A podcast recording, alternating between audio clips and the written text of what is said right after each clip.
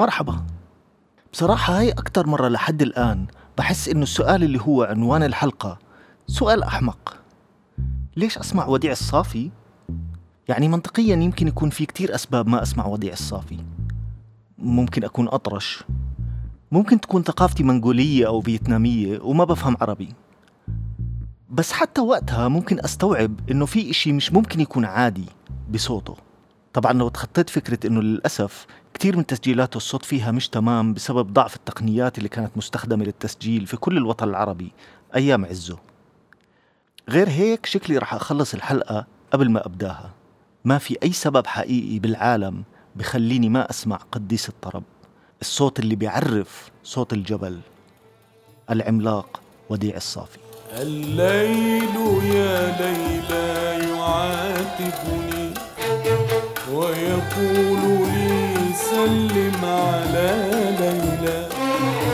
الليل يا ليلى يعاتبني. ويقول لي سلم على ليلى.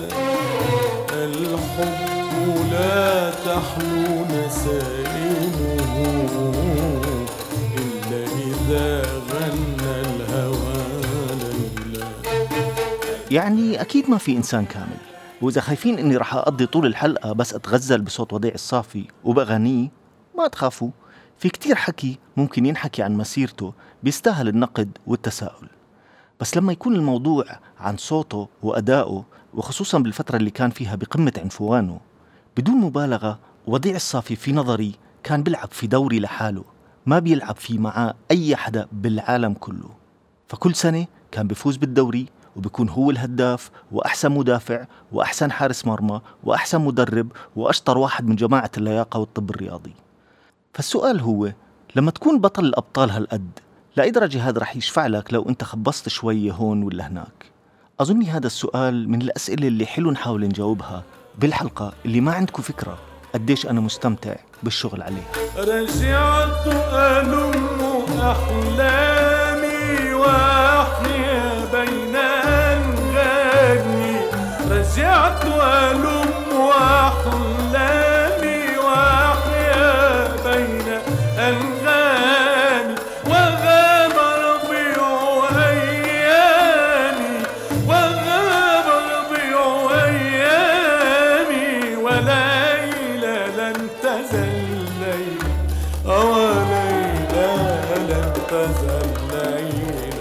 وقبل ما ياخدنا الليل يا ليلى خلينا نبدأ بالسلام ونقول أهلا وسهلا فيكم في بودكاست ليش أسمع؟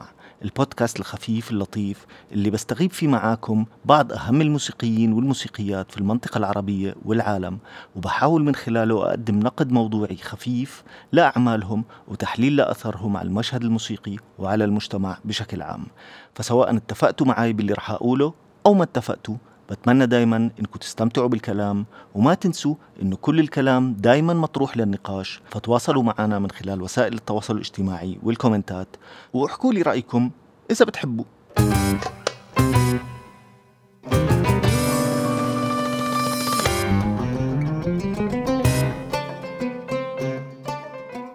وديع الصافي أو وديع فرانسيس من مواليد قرية نيحة الشوف اللبنانية.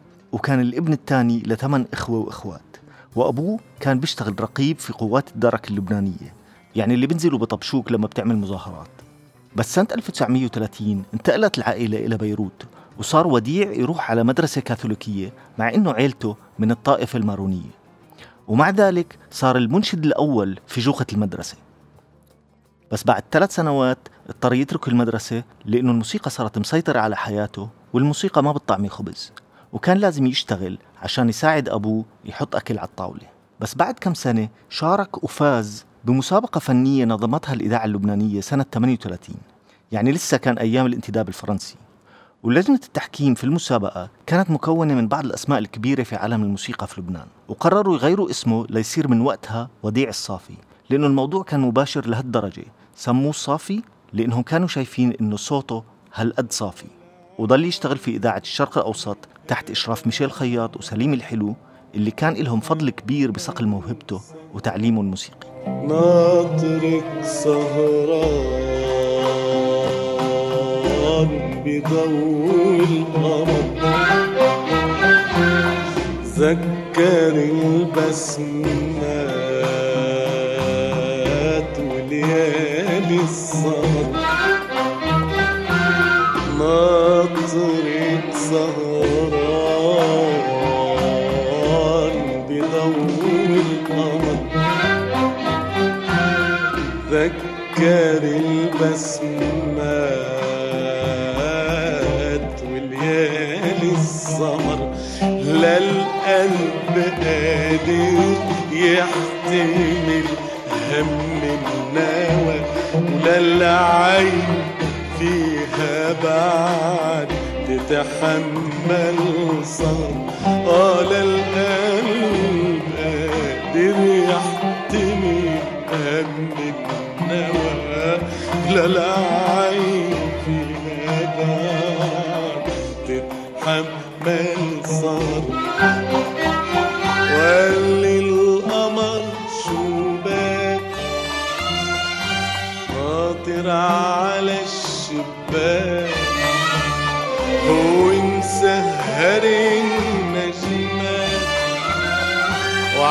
تكرج الدمعات بيكفي يا عاشق لوعت قلبي دمعة عيون وينبح الوطن فترة شغله في الإذاعة بالإضافة لأنها كانت فترة دراسة واكتساب خبرة وتعليم كانت برضه بداية توجه رسم له إياه الموسيقيين اللي حواليه وسياسة الإذاعة بشكل عام اللي بدوا يستغلوه من خلال تشكيل شخصيته الفنية وشكل ومضمون أغانيه عشان يكون جزء من تكوين وتأطير وتعريف الهوية الوطنية اللبنانية المنفصلة عن ما حولها. هاي النقطة رح نرجع نحكي عنها بتفصيل أكتر شوي لاحقاً. على كل حال مش رح أطول عليكم كتير في موضوع قصة حياة أبو فادي بس من الجدير بالذكر إنه حياته بالإضافة لأنها كانت مليانة موسيقى وفن كانت برضه مليانة سفر وتنقل. فسنة 47 سافر على البرازيل مع فرقة فنية وقعد فيها ثلاث سنوات. ولما بدت الحرب الأهلية في لبنان سافر على مصر ومنها على بريطانيا لحد ما استقر في باريس. وكان سفره في هاي الفترة اعتراضا على الحرب وبلويها. وضل يغني طول هالفترة للبنان وفنه وحضارته وهويته الجامعة. ومع سفره وكترة ترحاله صفى بالآخر بيحمل ثلاث جنسيات هي المصرية والبرازيلية والفرنسية بالإضافة للبنانية. هون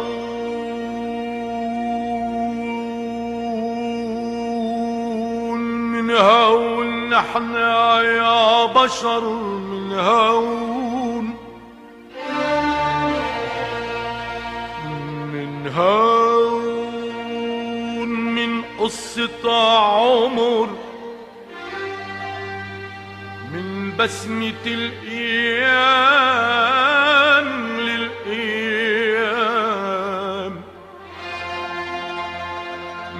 صوت بيجيه بالبكي عالبال.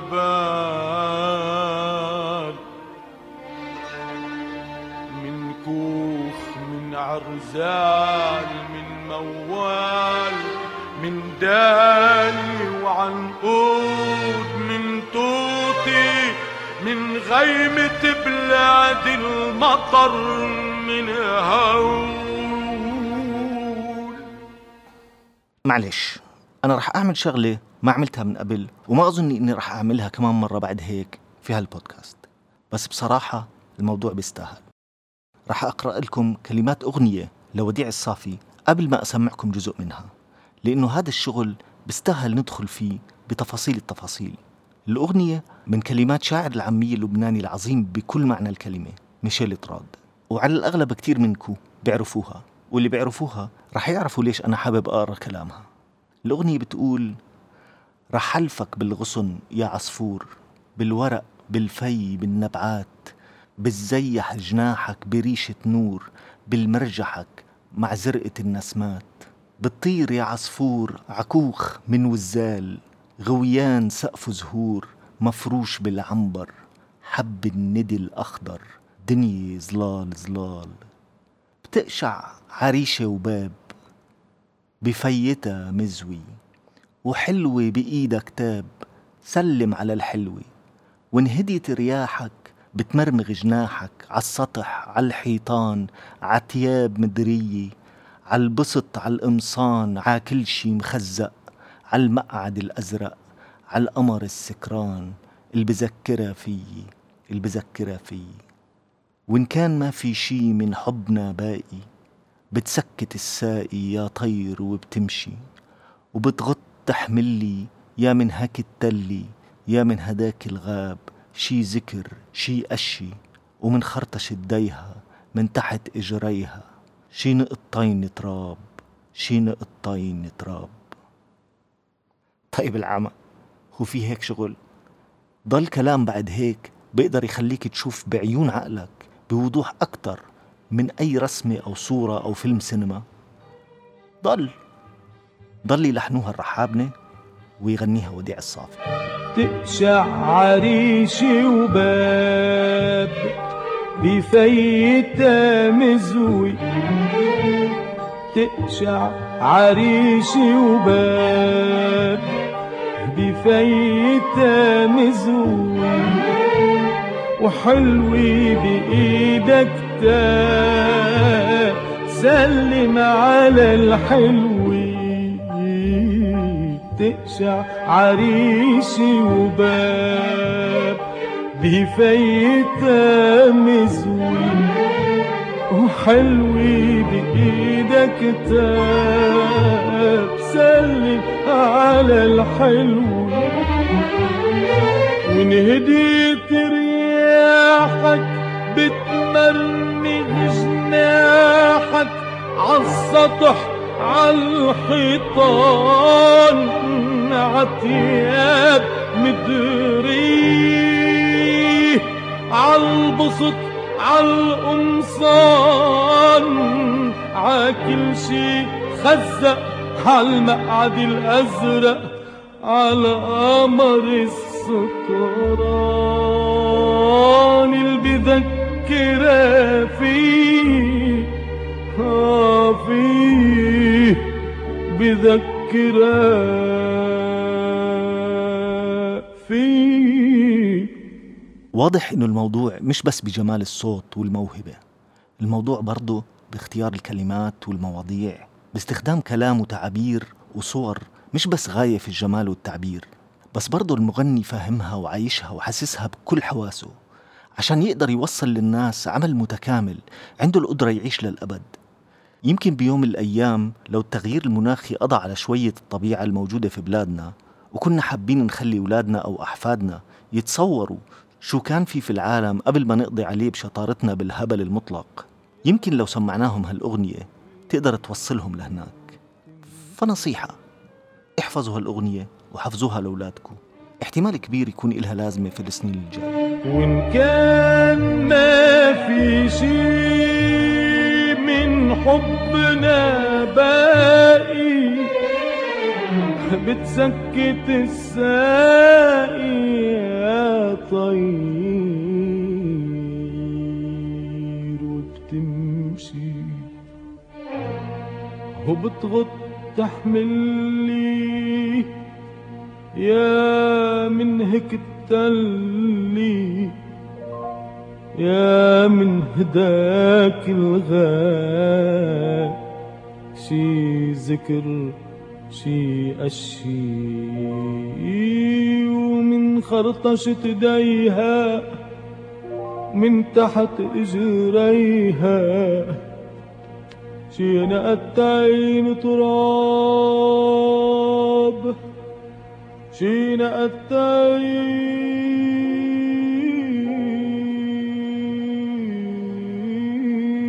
تراب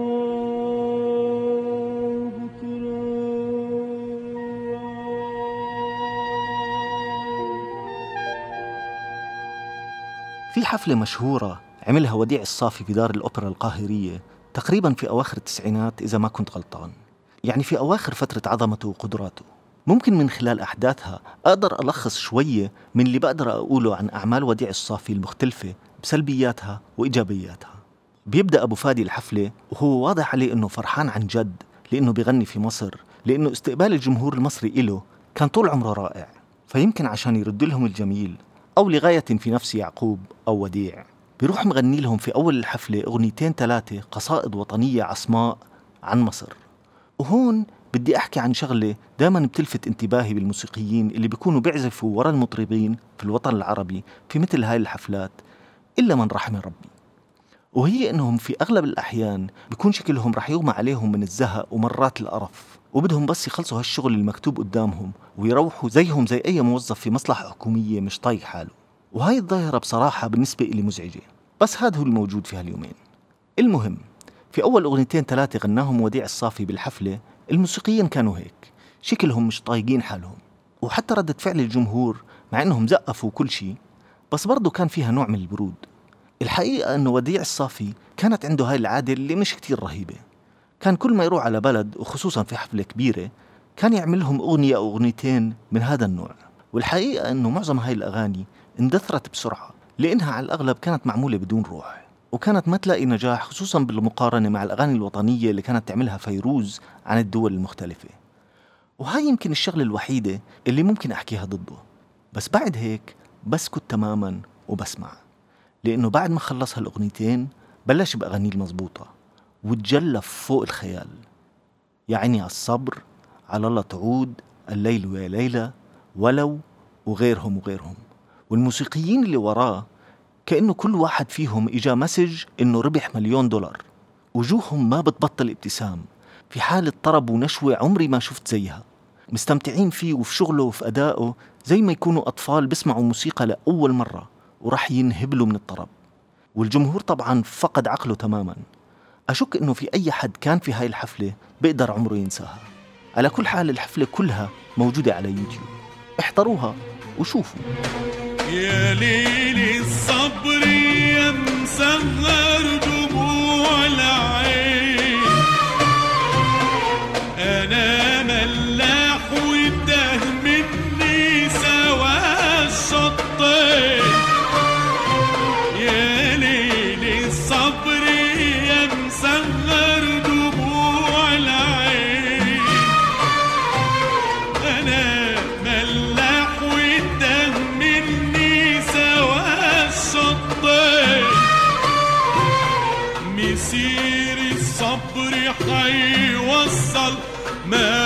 مراكبنا ونتقابل أنا وإنت بحبايبنا.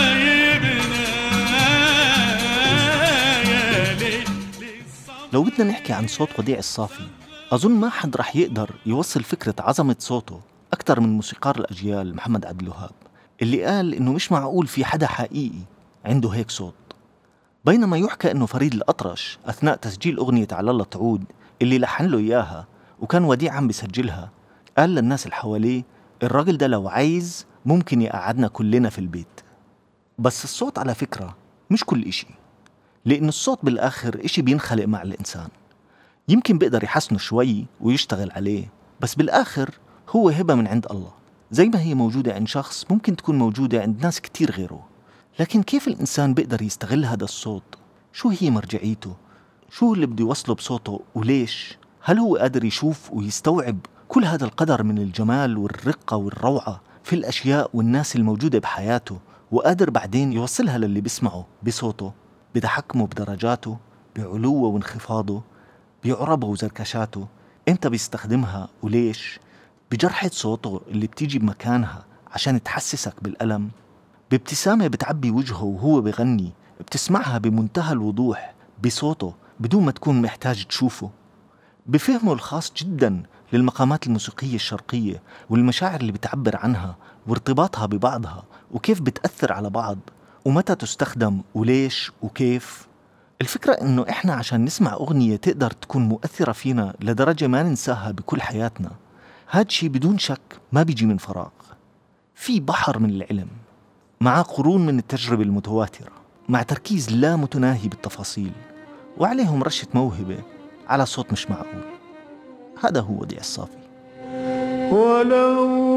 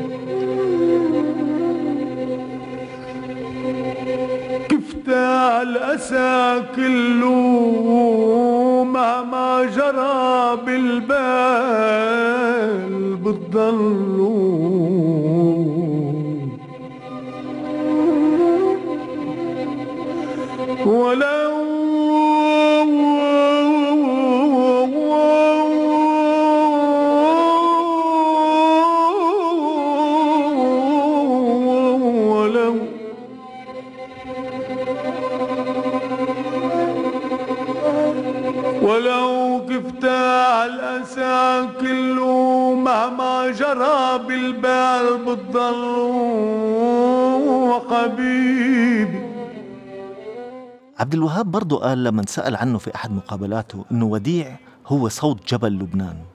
قال إنه هو صوت أشجاره وشوكه ووديانه وسهوله وارتفاعاته وناسه وحتى حيواناته. بعدين استطرد وقال إنه وديع الصافي هو لبنان. بس لبنان بالآخر زي أي بلد تاني من هاي الناحية. هو شوية جغرافيا وطبغرافيا وطبيعة جاي من الله مش من إنجازات الشعوب. زيه زي الصوت الحلو أو المش حلو اللي ممكن يكون عند أي إنسان. فممكن يكون السؤال الحقيقي هو وعلى مدى الزمن هل حقا وديع الصافي هو لبنان ولا لبنان بالآخر اللي رح يطلع هو وديع الصافي؟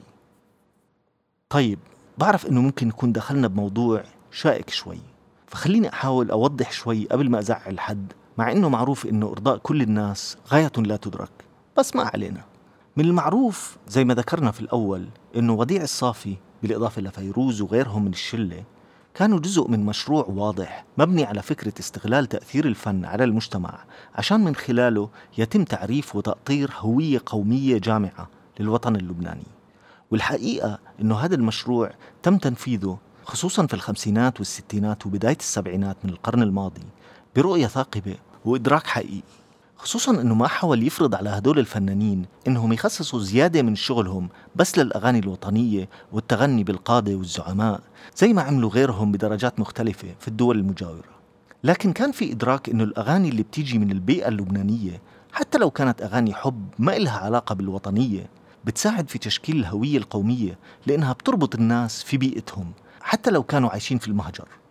وما عندي أي شك إنه المشروع نجح لحد كبير لكنه واضح إنه ما نجح لدرجة إنه يصنع هوية جامعة داخل لبنان تقدر تمنع البلد من إنه ينجر لحرب أهلية طاحنة ضلت على مدى سنوات طويلة. طبعا الحرب في عوامل كتير أدت إلها وأنا بدون شك مش عم بقول إنه في أي مسؤولية على شغل وديع وفيروز على أساس إنه يعني إنهم ما قدروا يتفادوها. بالعكس الحقيقة العجيبة إنه معظم اللبنانيين حتى هم عم بيتحاربوا وبيقتلوا بعض. عم بسمعوا أغاني فيروز ووديع الصافي وبحبوها وبيفتخروا فيها بغض النظر عن انتماءاتهم الطائفية. يا ريس. عم بتنادينا يا ريس.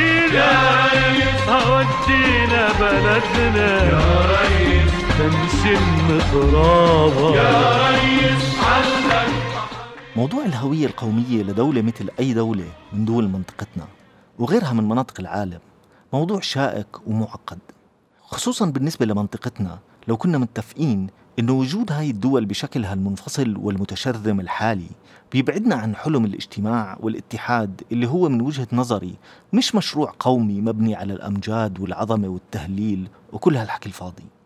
لكنه مشروع عملي براغماتي مبني على فكرة خلق كيان مجتمع قادر من خلال مواردة وثرواته وناسه إنه يوفر لشعبه حياة كريمة حقيقية مدعمة بالحرية والكرامة بدون حدود ومحددات وتغول وصراعات.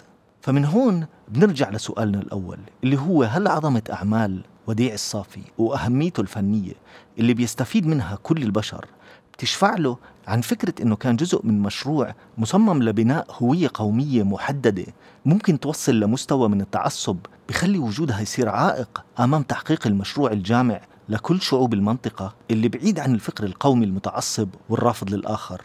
الحقيقة أنه جواب السؤال بالنسبة إلي هو أنه عن جد مش فارقة لأنه فن وديع الصافي لما طلع برا لبنان ووصل على بلاد المنطقة الناس تلقوه كأنه جزء من حضارتهم ومن هويتهم. لأنه عن جد الفروق بين هاي الشعوب أقل بكتير من الأشياء اللي بتجمعها. أنا لما أسمع وديع الصافي ما بحس إنه بيعبر عن مشاعر حد ما إلي علاقة فيه. بالعكس تماما بحسه بيعبر عني كأنه قاعد جوا دماغي.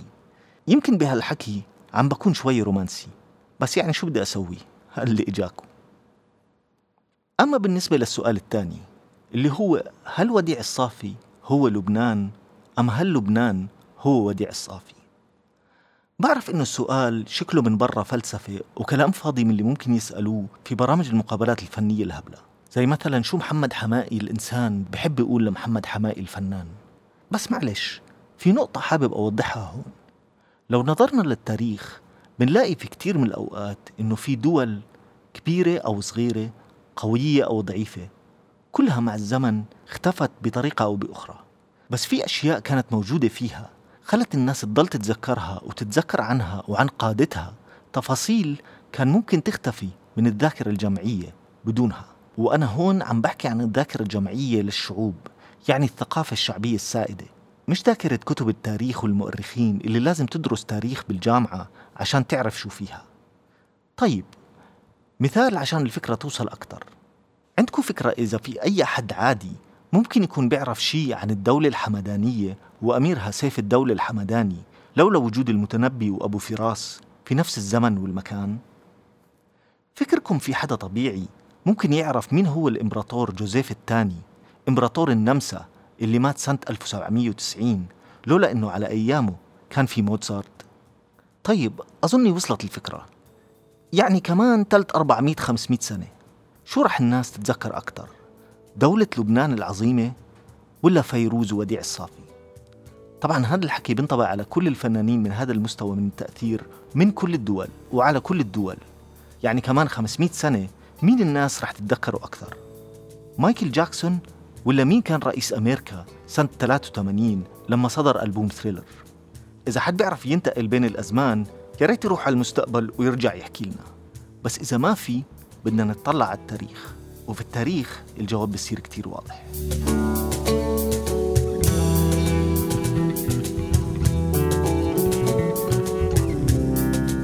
على كل حال قبل ما نتسبب بمشاكل دبلوماسية بين الدول خلينا نكتفي بهذا القدر.